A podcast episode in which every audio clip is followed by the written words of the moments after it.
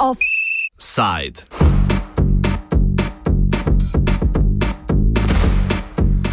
Že krepko desetletje Turčiji vladajoča stranka za pravičnost in razvoj, krajše AKP, ni potrebovala dosti časa, da si je povrnila na junijskih volitvah izgubljeno absolutno večino v turškem parlamentu.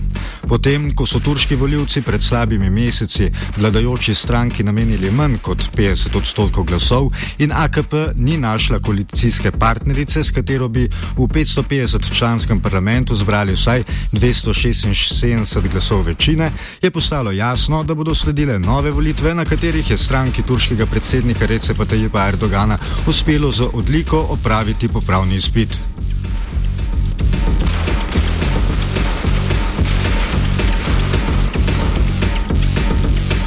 V nasprotju s predvolilnimi javnomnenjskimi anketami, ki so ji napovedovale podporo precej nižjo od 50 odstotkov, bo AKP v novem sklicu turškega parlamenta imela 317 poslancev.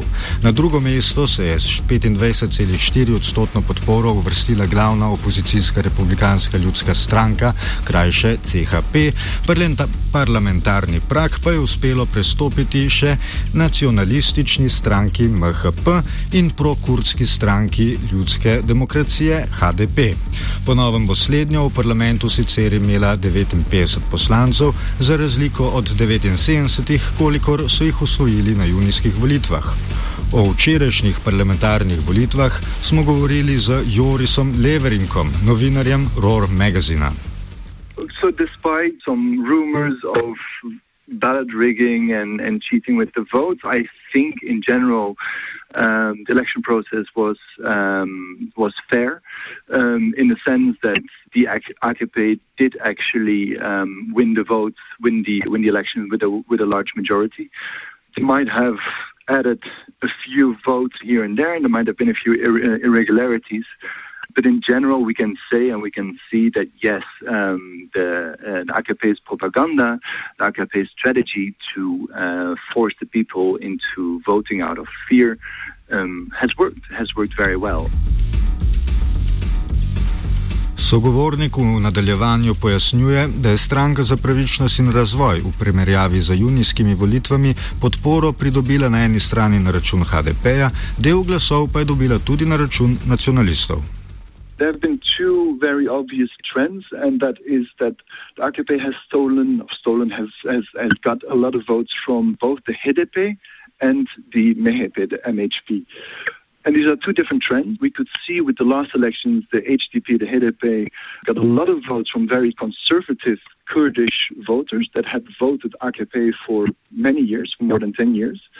And these are not necessarily supporters of the Kurdish movement, but they were scared of first Erdogan's presidential system, and second, were unhappy with uh, how the how the Turkish government had uh, acted in regards of of the Kobane crisis. So there's a the first group is, is voters from HDP that turned back um, to AKP again, conservative Kurdish voters, I think. And the second group is the people from the MHP, the MHP, the Nationalist Party, who, because the, the AKP has been leaning more towards the right, before they were engaging with the peace process with the Kurds, and this is something that the nationalists are very much against.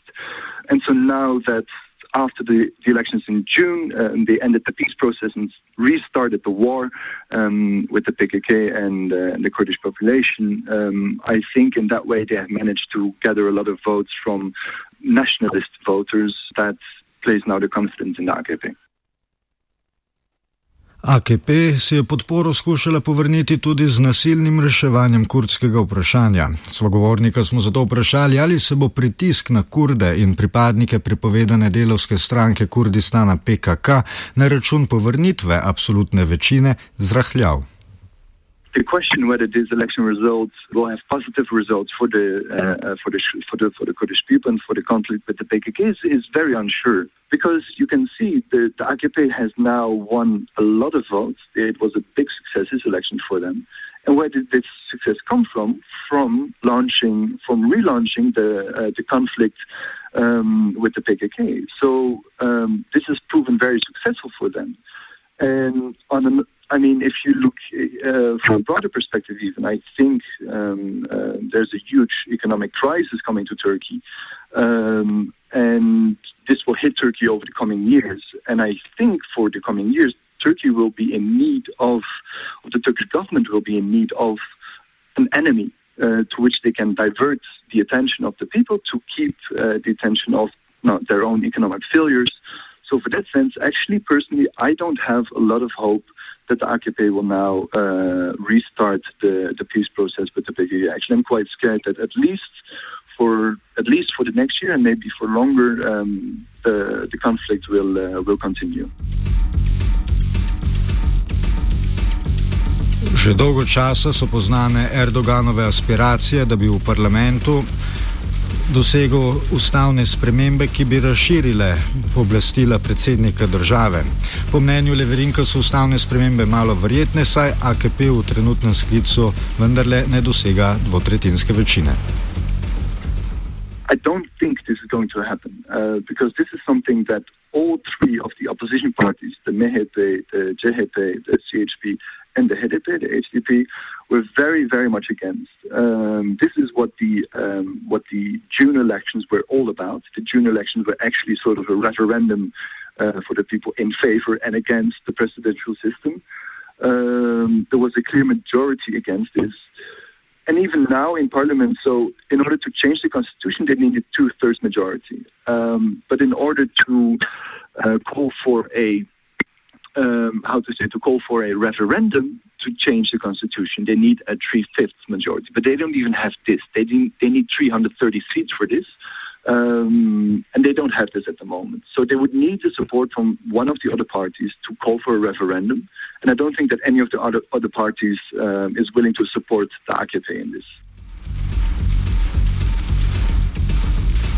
Čeprav je prokurdska stranka ljudske demokracije HDP v primerjavi z junijskimi volitvami izgubila podporo, po mnenju sogovornika njena ponovna uvrstitev v parlament kljub temu predstavlja določen uspeh.